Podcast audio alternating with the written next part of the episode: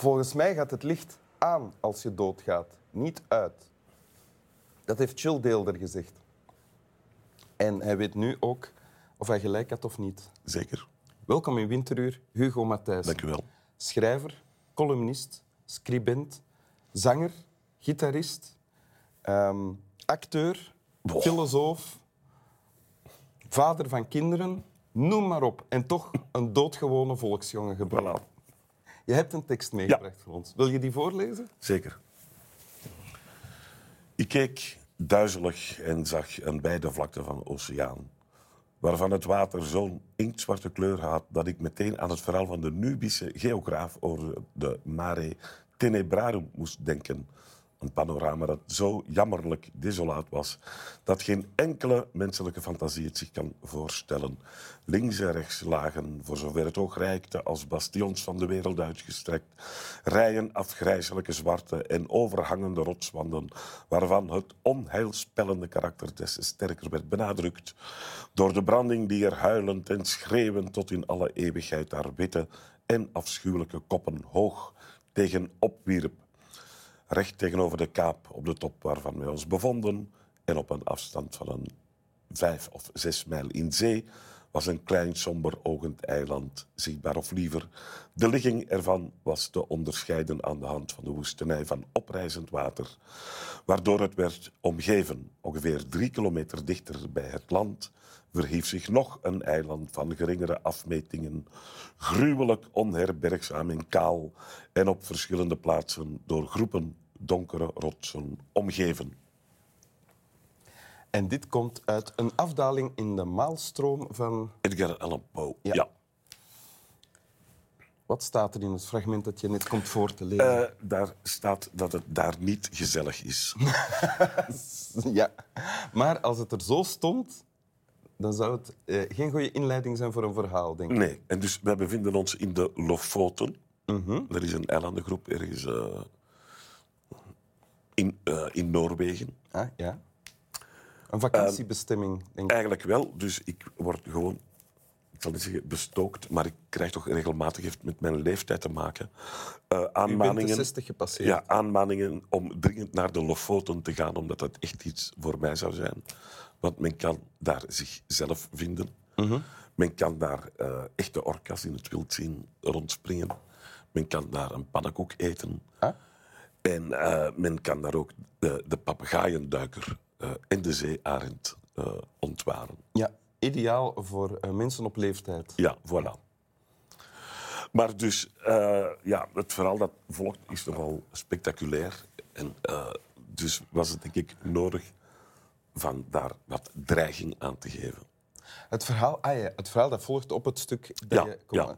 Want dat is wat er gebeurt. Er wordt een griezelige sfeer ge- geschept. Ja, en het verhaal is eigenlijk eh, snel verteld. Dus je hebt daar ergens in zee de Maalstroom. Dus eigenlijk een gigantische draaikolk. eh, die zeker honderden meters breed moet zijn en, en eh, onpeilbaar diep.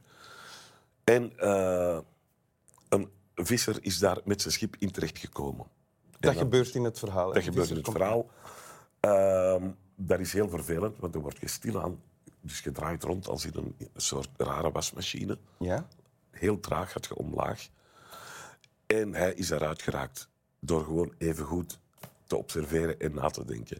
Ah. Dus eigenlijk is het verhaal, door toeval kwam ik in die maalstroom terecht. Maar, ik heb even nagedacht, ik ben daaruit geraakt. Want hoe is hij eruit geraakt dan? Wel, eh, hij had gezien, dus er drijft dan, zegt dan van aan de overkant zie ik dan scheepswrakken op duiken en eh, huisraad. Er is ook eh, sprake van walvissen die loeiend en huilend in, de, in het gat verdwijnen. Maar had dus gemerkt dat eh, bolvormige voorwerpen dat die sneller naar beneden gaan, cilindervormige voorwerpen die stijgen. Ah, dus heeft zich aan een vat vastgebonden en is dan van boord gesprongen.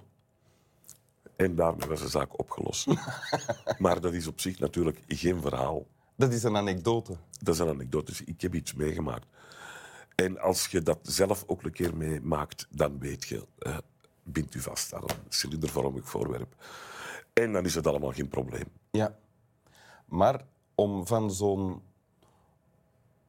anekdote, zo'n Ja. een, een verhaaltje, een Ja. verhaal te maken, moet je beginnen met sfeerschepping. Ja, en dat gaat zo nog bladzijden voort in dat Ah, het is niet maar- dat het verhaal meteen begint na het stuk dat je net... eh, Nee, voor- nee, nee, nee, nee, nee, nee. Het is eh, eerst nog een paar bladzijden dat ze voelen dat ze in de richting van die Maelstrom komen. En dan eh, Ja. er wordt gehuiverd. En. En die sfeerschepping, hoe doe je dat? Door stevig te overdrijven. Mhm. Dus je zou het over, om het even welke plek kunnen zeggen, als je daar het vakmanschap voor hebt, als je naar Plopsaland gaat, als je zegt die afgrijzelijke dit, die gruwelijke kabouterplop, die de haren rezen mij te bergen. Ik zag hem al van verre staan. Ja, Ja. ja. Het bloed trok weg uit mijn aderen toen ik K3 enzovoort. Als je dat overtuigend kunt, dan denk je van ja, nu gaat er wel wat gebeuren. En is dat ook iets dat de schrijver Hugo Matthijssen gebruikt in zijn verhalen, stukken? Eh, ik heb dat wel vaak gedaan of geprobeerd, ja. Dus een verhaal waar eigenlijk bijna niks gebeurt. Niks gebeurt van dat een zodanige inleiding te geven dat ik denk van nu, nu gaat er iets komen dat dan eigenlijk niet komt. Maar hopelijk beseft je het niet dat er eigenlijk niks is geweest. Dus als je dit verhaal helemaal leest, denk nu heb ik toch een werkelijk bloedstollend verhaal eh, gelezen, terwijl het eigenlijk niet meer is dan, ja, ik, ik reed op een steenweg. En er was iemand die niet door had dat er een voorrangsweg was. En op het nipperke. Allee, ik had dood kunnen zijn, maar... Maar ik heb hem ontweken. Ja. Ja. Ja, daarvan af- Heb je dat dan al gedaan met die situatie? Eh, Bijvoorbeeld? Niet letterlijk, maar eh, goh, ik doe eigenlijk niks anders dan... dan... Dan niksigheden opblazen. Wel, dat is wat sterk uitgedrukt, maar het is toch een onderdeel van mijn vak. Ja. Oké. Maar ik hou van niksigheden, Want? van banaliteiten. Eh, omdat ik vind... Ja, ik denk dat er misschien een, een tegengewicht moet zijn tegen mensen die te veel willen zeggen. En, en Ah ja. Ja, dus dat is denk ik mijn maatschappelijke roeping. Al, daar al van jongs af aan wa- was je je daarvan bewust, mag je dat 100 zeggen? procent. Ja. Oké. Wil u het nog eens voorlezen? Zeker. Ik keek duizelig en zag een wijde vlakte van oceaan waarvan het water zo'n inktzwarte kleur had dat ik meteen aan het verhaal van de Nubische geograaf over de Mare Tenebrarum moest denken. Een panorama dat zo jammerlijk desolaat was dat geen enkele menselijke fantasie het zich kan voorstellen. Links en rechts lagen, voor zover het oog reikte, als bastions van de wereld uitgestrekt, rijen afgrijzelijke zwarte en overhangende rotswanden, waarvan het onheilspellende karakter des te sterker werd benadrukt door de branding, die er huilend en schreeuwend tot in alle eeuwigheid haar witte en afschuwelijke koppen hoog tegenop wierp recht tegenover de kaap op de top waarvan wij ons bevonden. En op een afstand van vijf of zes mijl in zee was een klein somber ogend eiland zichtbaar. Of liever, de ligging ervan was te onderscheiden aan de hand van de woestenij van oprijzend water, waardoor het werd omgeven. Ongeveer drie kilometer dichter bij het land verhief zich nog een eiland van geringere afmetingen, gruwelijk onherbergzaam en kaal en op verschillende plaatsen door groepen donkere rotsen omgeven.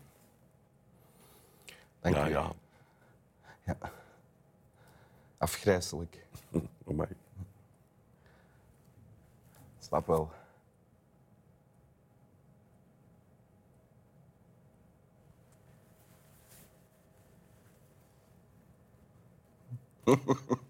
Voilà. Is dat uw favoriet woord in dit stuk? Afgrijzelijk?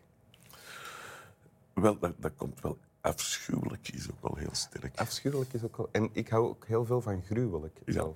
Ja. Maar afgrijzelijk wordt minder gebruikt. En is daarom eh, krachtiger, denk ik. In dit boek, als je dat zou gaan turven, Ja? dat het woord afgrijzelijk eh, ruim aan bod komt. Zeker in inleidingen Ja. of heel het verhaal door. Ook heel veel mensen die eh, met zwart haar hebben en dan iets mee maken, dan wordt dat plots wit. Ah, is het waar? Ja, ja, ja. Ah. En zijn dat dan mensen die ingemetseld worden, dikwijls? Er worden er heel wat levend ingemetseld, levend begraven. Ja. Dan zijn er nog wat ruïnes die instorten. En dan nog een paar eh, onbegrijpelijke misdaden die door goed denkwerk worden opgelost. Met andere woorden, terecht een evergreen. Ja, ja, absoluut. De aanrader. School. Yeah.